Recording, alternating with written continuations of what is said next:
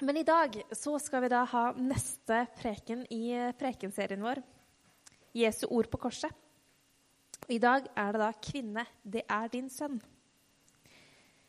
Tidligere, for dere som ikke har vært der, så har vi hatt første søndag så var det 'Far, tilgi dem'.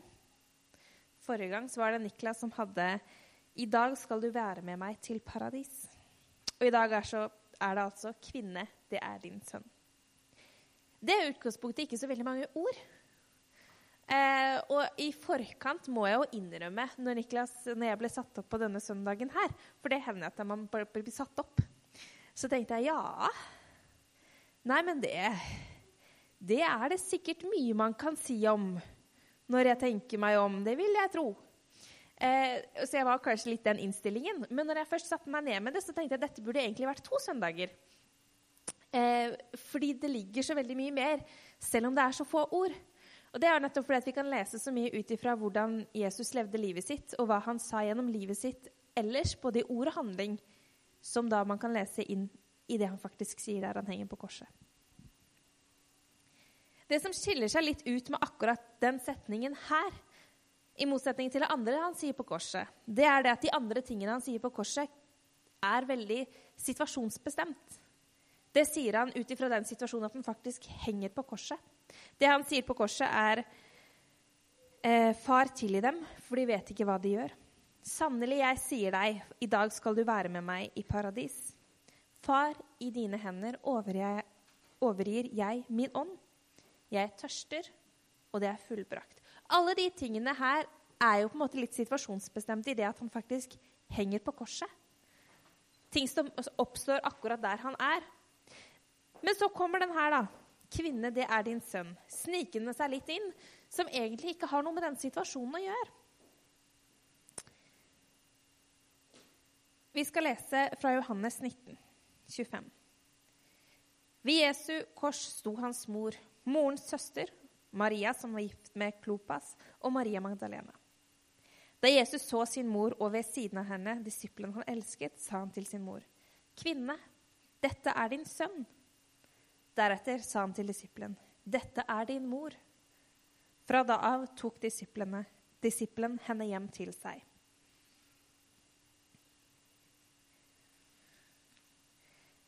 Det er to aspekter ved det her som jeg ønsker å fokusere litt på. Den første delen eh, er jo litt med ordvalget han velger. Han setter på en måte relasjonen litt i system. Ja, de er bekjente, de er venner, de er troende, men han setter det inn i et system som er kjent, familierelasjonen. De skal faktisk ha en såpass tett relasjon til hverandre at det er mor og sønn. Selv om ikke det er biologisk. Og det vil ikke si at den biologiske relasjonen mor-sønn, far-datter ikke har en hensikt eller en verdi. Men han sier fortsatt at den relasjonen dere har, den skal være som mor og sønn.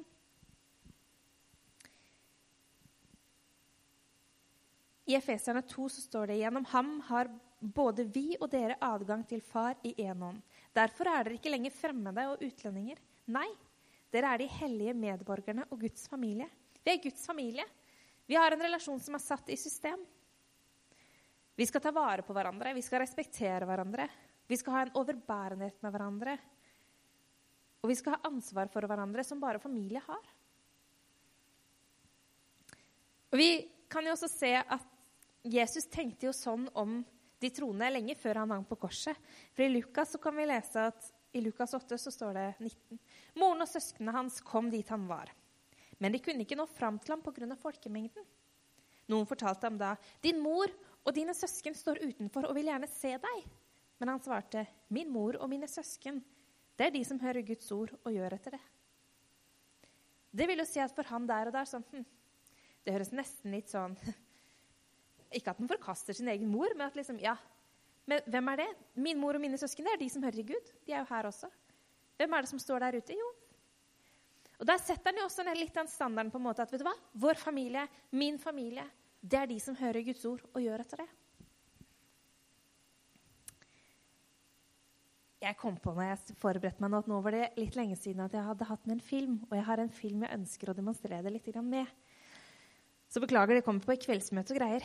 Men eh, det er en, film, eh, en, liten filmsnutt fra en film som heter Sing. Eller Syng på norsk. Hvor det da, Forhistorien er egentlig ikke så viktig, men det er, handler om en eh, talentkonkurranse. Og det er en da som synger. Han som synger, det er en apekatt. Eh, jeg vet ikke ordentlig. Men den apekatten han har da et litt anstrengt forhold til sin far. Faren sitter nå i fengsel og ser sønnen sin på TV.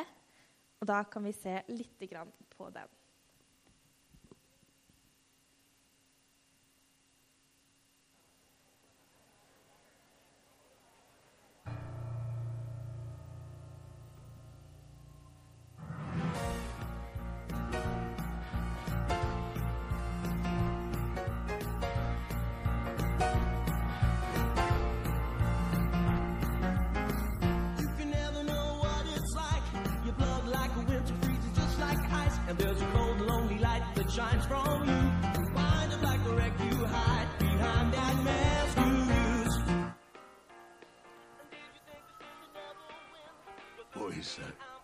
Turn it down, will you? Boy, didn't you hear me? I said, turn it. Johnny. Don't you know I'm still standing better than I ever did? Looking like a true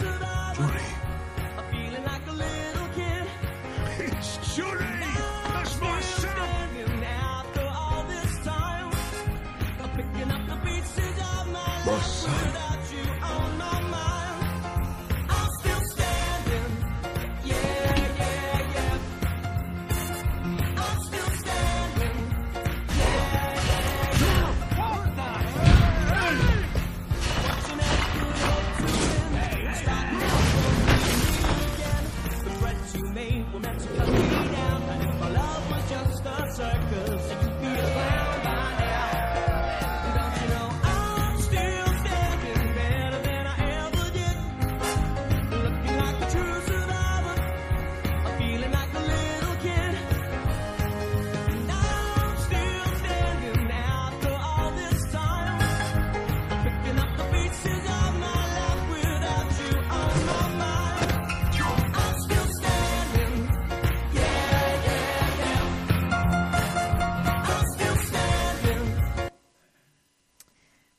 Få se filmen. Den er veldig artig. Men poenget mitt da, med å vise den filmsnutten her, det er litt ansiktsuttrykket på han pappaen. Fordi Først så er han jo skeptisk, og så ser han det er min sønn. Og først så bare Ei! Det der er min sønn! Det er min sønn! Og han blir jo kjempestolt. Men så slår den litt situasjonen inn. Og da blir han jo litt mer lang i maska. Bare Ei, det er min sønn. Og da ser han kanskje litt hva slags situasjon han står i. fordi han er jo da helt en annen plass enn der han skulle være. Og da gjør han jo bokstavelig talt bryter opp alt for å komme dit hvor han bør være. For sin sønn. Det ender godt, da. Han, han kommer til sønnen sin og får sagt det som han måtte si. Han får sagt at 'jeg er glad i deg, og jeg er stolt av deg'. Eh, og han rømmer ikke. Han stiger tilbake til fengselet, så det går bra. Men så det var god moral. altså, det går fint. Men eh, poenget er litt sånn at når, når det går inn for ham, hva slags ansvar han har, hva slags plass han egentlig har i sønnen sitt liv, og hva han egentlig går glipp av, og hvilket valg han har tatt, så gjør han jo noe med det. Og det er egentlig Jeg har aldri fått det før, men det er egentlig litt den reaksjonen vi burde fått når vi leser disse versene her. Når vi leser at 'Kvinne, dette er din sønn'. 'Dette er din mor', det er egentlig liksom åh, wow. Det vil da si at relasjonen vår til de andre rundt oss, de felles søsknene våre, våre åndelige mødre og fedre, din åndelige datter eller din åndelige sønn, det er den type relasjon vi skal ha. Det, vil, det innebærer et massivt ansvar. En omsorg, en interesse. Et faktisk genuint interesse for de vi har. Da ville vi fått litt av en reaksjon, tror jeg. For det er ganske stort. Det vil ikke bare si at Jesus oppfordrer oss til å sørge for at de har det greit, eller hør hvordan de har det i livet sitt. Nei, han stiller oss ansvarlig overfor hverandre. At jeg skal faktisk passe på de jeg har rundt meg. Og det var jo akkurat det som skjedde da, i relasjonen mellom Johannes og Maria. Maria ble boende hos Johannes. De tok det på alvor. Johannes hadde ikke i utgangspunktet noe ansvar for Maria. Han var ikke ut ifra noe lov eller noe sånt, noe satt i system til at han skulle ta henne inn til seg. Det måtte han ikke. Ingen hadde sett stygt på Johannes om han ikke gjorde det. Men ut ifra det Jesus sier at 'det her, Johannes, dette er ditt ansvar'. Dette er nå din mor. Vel, hvis det er min mor, så må hun bo med meg. Og Maria også. Dette her er nå din sønn. Vel, da er det faktisk også mitt ansvar. Og Hvis man tenker litt sånn på det, så tror jeg kanskje at vi blir litt sånn gorilla i ansiktet hele gjengen. For det vil faktisk si at vi her vi har et ganske stort ansvar for hverandre. Og et privilegium. Det er ikke bare en byrde, en tyngde som ligger på oss, men det er en fantastisk ting også. Men vi har faktisk et visst ansvar for hverandre. Omsorgen og kjærligheten vi skal vise for hverandre, har en mye mer dybde enn det vi kanskje egentlig praktiserer. Han utfordrer på måten de levde på. Han utfordrer oss på hvordan vi lever på. Hvor mye bærer vi hverandre? Hvor mye går vi sammen? Går vi litt forskjellige stier egentlig, men vi hilser nå innimellom? Eller velger vi faktisk å gå sammen som en familie? Det at han velger å bruke de orda som er faktisk familierelatert, med mor og sønn, sier mye. Men så til det andre aspektet med det her bibelverset, som jeg egentlig ønsker å legge mest vekt på.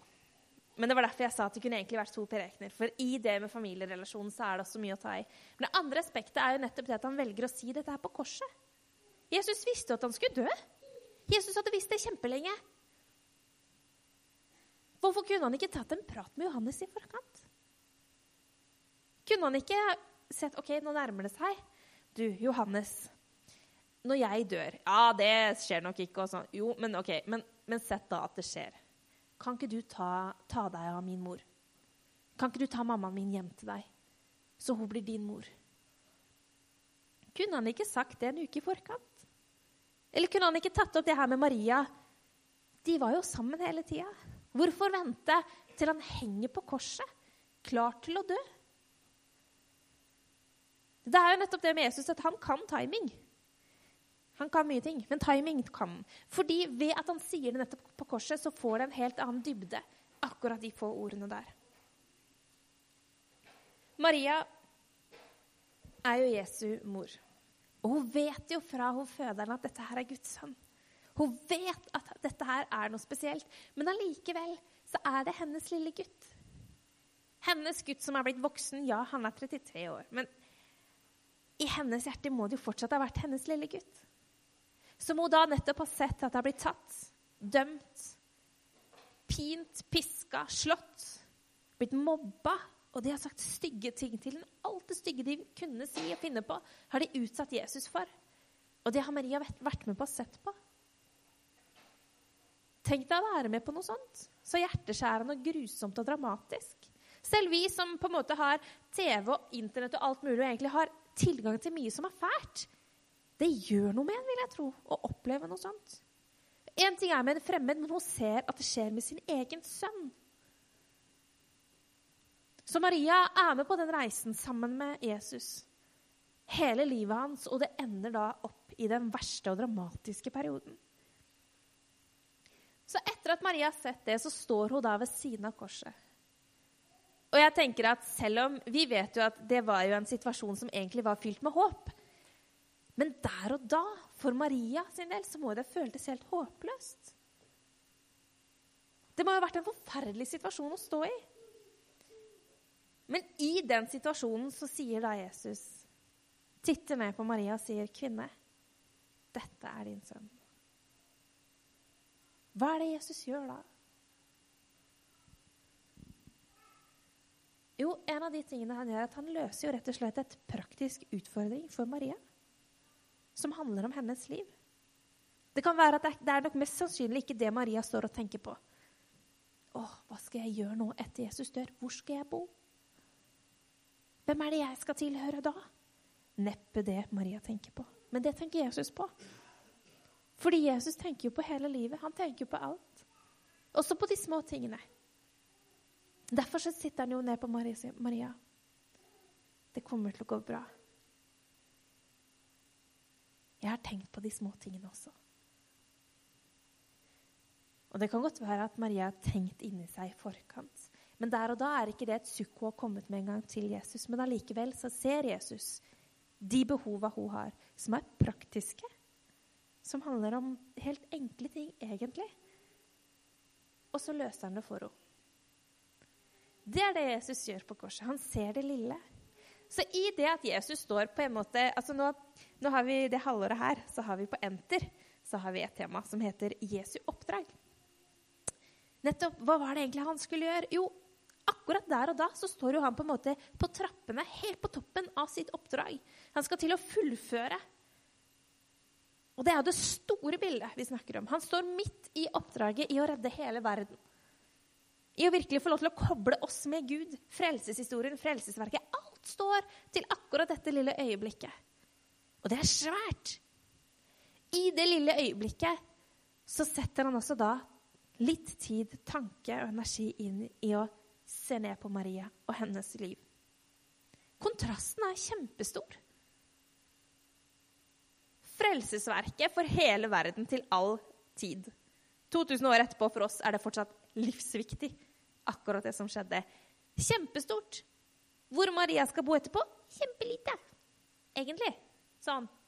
Hallo. Men det er nettopp det som handler om timingen til Jesus. fordi at Hvis han hadde gjort dette på et annet tidspunkt Ja, fortsatt like viktig, men allikevel. Han viser nettopp kontrasten i hans, hans kjærlighet til oss. Kontrasten i den forstand at den er så stor, men den er også opptatt av det små. I 1. Peter 5, 67 kan vi lese Ydmyk dere da under Guds mektige hånd, så han kan opphøye dere når tiden kommer. Kast all bekymring på ham, for han har omsorg for dere. De versene der er egentlig akkurat det samme som de versene vi har som tema i dag. Først så fokuserer det nettopp på Guds storhet, hans kraft, hans hellighet, hans veldige makt. Og så etterpå kast all bekymring på ham. Kom til ham med alt. Det er ikke noen motsetning mellom hvor stor Gud er, og mellom vår små, lille liv med våre små ting. Nei, det hører sammen. Og Ved at Jesus fokuserer på det på korset, så viser han oss nettopp det at jeg er interessert i alt du har. Jeg bryr meg om hele deg. Jeg bryr meg om de små tingene, om de praktiske tingene. Og jeg bryr meg om at du skal få evig liv. Men begge deler er like viktig.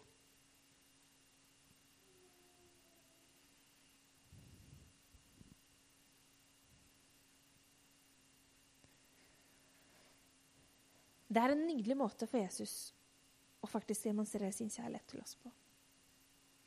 Og jeg vet ikke med dere, men Noen ganger så kan man jo tenke litt sånn at nei, det er jo ja, det er ikke så viktig. Jeg trenger jo ikke å be om det. Eller sånn Ja, det går nå greit, liksom. Ja. Men det står at vi skal kaste all vår bekymring på Jesus. På de store og de små tingene. Det er ikke over en viss alvorlighetsgrad eller det må ha pågått over så og så lang tid før det er et problem. eller Man skal ikke kategorisere noen ting. Kast alle dine bekymringer på Gud. Uansett størrelse. Og Jesus ser jo egentlig Maria sin utfordring uten at hun har bedt. Hun kom ikke til Jesus og spurte Jesus, hvor skal jeg bo når du drar. I hvert fall ikke så vidt vi vet, men ikke der han hang på korset. så var det ikke det Maria brang opp. bare sånn, du, jeg ser at du har det vondt, jeg ser at dette er kjipt for deg, men hvor skal jeg bo hen nå? Det var jo ikke Maria som meldte det på banen. Jesus visste, og han så. Og dette kan godt være at de aller fleste har full oversikt over og hørt før, men jeg tenkte allikevel at det passa litt i dag. Det er egentlig litt sånn min egen eh, jobbhistorie dit hvor jeg er i dag. Fordi hvis jeg tenker litt på det, så blir jeg egentlig veldig ydmyk. Fordi da ser jeg hvordan Gud har på en måte trukket i tråder som jeg ikke har hatt sjans til å trekke i sjøl. Det var høsten. Jeg hadde fem jobber, og jeg begynte å bli kjei og lei av å ha fem jobber.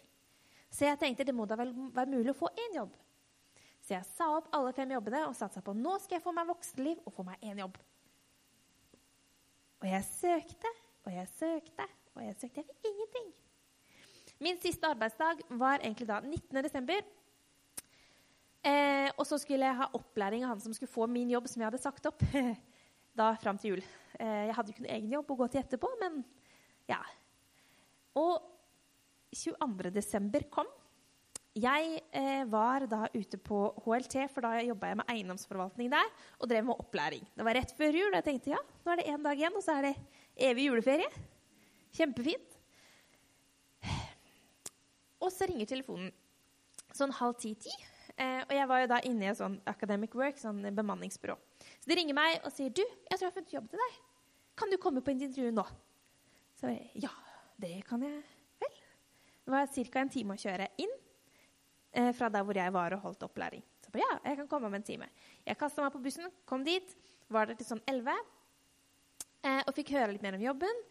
Eh, og sa ja, ja, men dette her høres bra ut. Kjempefint, jeg ringer deg, sa hun. Så tenkte jeg, ja, det får vi nå se på. Det har jeg hørt før. Men OK. Så dro jeg tilbake igjen ut på jobben for å fortsette den opplæringen i den jobben jeg egentlig angra på at jeg hadde sagt opp. egentlig. Eh, og så ringer hun en gang til og sier du, de vil gjerne at du skal komme på intervju oppe hos dem også nå. Kan du det? Ja da. Det er bare en time, så det går bra. Da drar vi tilbake igjen. Det går kjempefint. Så da var jeg der klokka to. Eh, og de sa ja. Nei, men du, dette her høres eh, fint ut. Er, ja, nei, men eh, ja, jobben er din, den. Så jeg bare ja.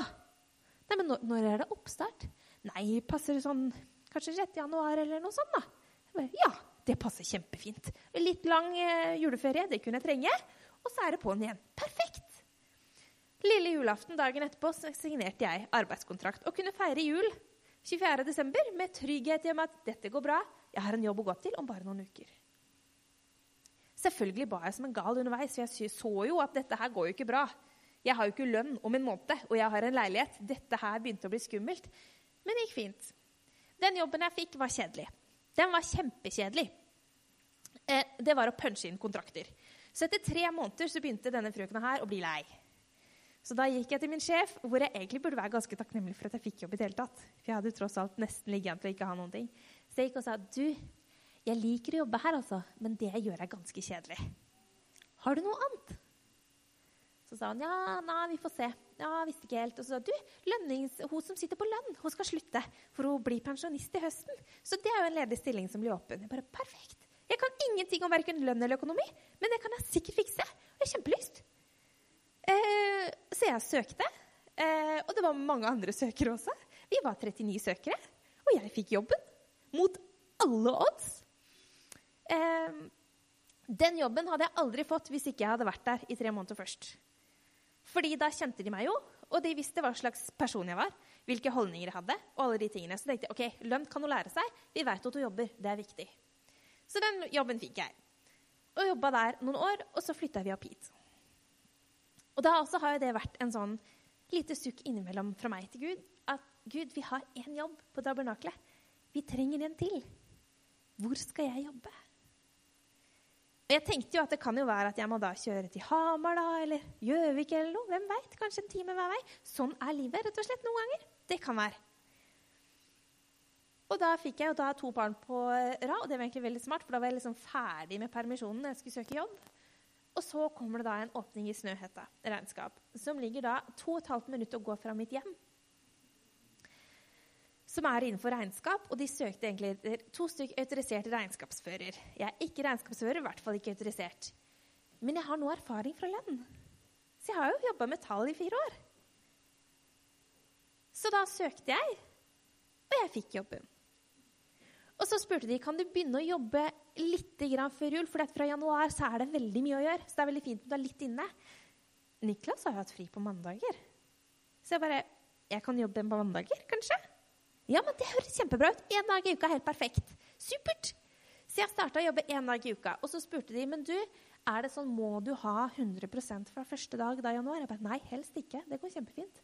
For hadde jo ikke, vi har jo ikke barnehageplass til Matteus ennå. Eh, så de sa ja, hva med sånn 60? Jeg bare 60, ja. Det er helt perfekt, for det er akkurat så mye jeg kan jobbe at vi får det opp til å gå, liksom, som vi hadde regna på. Så hvis jeg jobber 60% nå fram til sommeren, og så har jeg da mulighet for å jobbe 100% fra høsten, så sa de ja, men du, du er interessert i da 100 etter hvert? Jeg bare ja. Ja, sånn over sommeren, da? Jeg bare ja. Kjempefint. Det som er, er at Noe av grunnen til at de trengte akkurat det med 60% nå, 100% fra sommeren, er fordi at det er ei der også som planlegger å gå av med pensjon til sommeren. Så da blir det mer å gjøre. Så jeg har jo egentlig bare gått inn i sånne ferdige sånn pensjonistjobber. på en måte. Og det tenker jeg er, det som er litt stilig med det, det er ikke noe jeg kan gjøre fra eller til. Ja, jeg kan søke på en jobb, men det at ting times akkurat sånn Jeg trenger en jobb nå. Vel, vet du hva? her borte er det én jobb å få. Hun skal gå med pensjon, så da er det åpning for deg. Det at jeg fikk den andre jobben i det andre selskapet De hadde fire stillinger innen økonomi. Hun ene som jeg tok over jobben, hadde hatt den i 41 år. Hadde hun gått av med pensjon to år før, hadde det vært før min tid. Hadde hun valgt å sitte på den ett år til, hadde jeg vært ute, for det hadde jeg aldri giddet å vente på. Og da kjenner jeg bare wow. Jeg i hvert fall opplever å kunne se at Gud en måte så hva jeg skulle gjøre i dag, og har bare lagt ting så latterlig til rette for meg. Og da kjenner jeg bare litt at Gud ser det store bildet, og han ser også lille meg. Han ser hvilke behov jeg har om fem år, og han kan da gjøre noe i mitt liv nå som tilrettelegger for at det er mulig om fem år. Hvis jeg hadde flytta hit og aldri hadde hatt noe med økonomi å gjøre, hadde jeg aldri fått den jobben der borte. Eller aldri, men mest sannsynlig ikke. i hvert fall. Det hadde jo vært litt sånn skrudd i huet, kanskje. Men det at jeg faktisk hadde litt erfaring fra en annen jobb, gjorde at men dette her er mulig. Dette her kan bli bra. Det at det var så tilrettelagt med hvor mye de trengte ut ifra hvor mye jeg kunne jobbe, det tenker jeg er en sånn gudfeldighet som ingen andre kan planlegge sånn. Det er helt sprøtt. Og der tenker jeg litt sånn at akkurat det bibelverset her også viser at han har omsorg for oss. Han ser de små tingene i våre liv nå. Ja, han er vår frelser. Han er allmektig, han er stor, han er hellig. Og han er en voldsom kraft. Men han ser oss og de små tingene. Han kjenner livet vårt, han kjenner de tingene som skjer i oss. Så når Jesus titter ned på sin mor og ser at hm, her er det et behov Maria trenger Johannes, Johannes trenger Maria. Så sier han, 'Kvinne, dette er din sønn. Så ser han da på Johannes og sier, se, dette er din mor. Han setter relasjonen deres i system, men han gjør også et veldig veldig stort poeng ut av å vise oss hvor opptatt han er av det små. Hvor opptatt han er av å se det lille i oss, mennesket i oss. De små tulletingene som vi bekymrer oss over, som ikke handler om liv eller død, men som handler på en måte om livet vårt. Og det at han velger å si det akkurat når han henger på korset, viser jo nettopp det at han tenker på alt.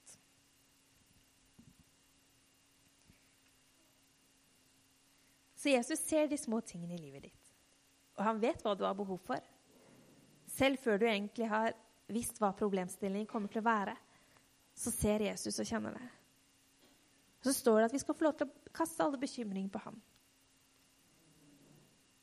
Og Det er ikke alltid vi ser løsningen sjøl.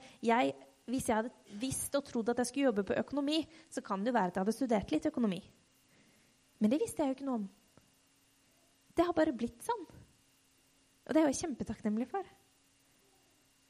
Og da er det så godt å faktisk kunne se og bare takke Takk, Gud, for at du vet mer enn meg. Takk for at du ser så mye lenger enn meg. Og la meg få lov til å oppleve at du virkelig legger til rette for meg som er ditt barn. Så ikke tenk at noe er for lite eller for stort. Jesus så Maria når alt sto på spill. Så så Maria det praktiske. Hvor mye mer ser ikke han oss nå? Når frelsesverket er ferdig. Han sier jo det er fullbrakt, det skal vi ha ham seinere.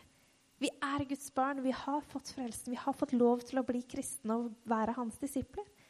Selvfølgelig er han der og tilrettelegger for oss og elsker oss og ønsker at vi skal få lov til å se at han faktisk legger til rette for oss.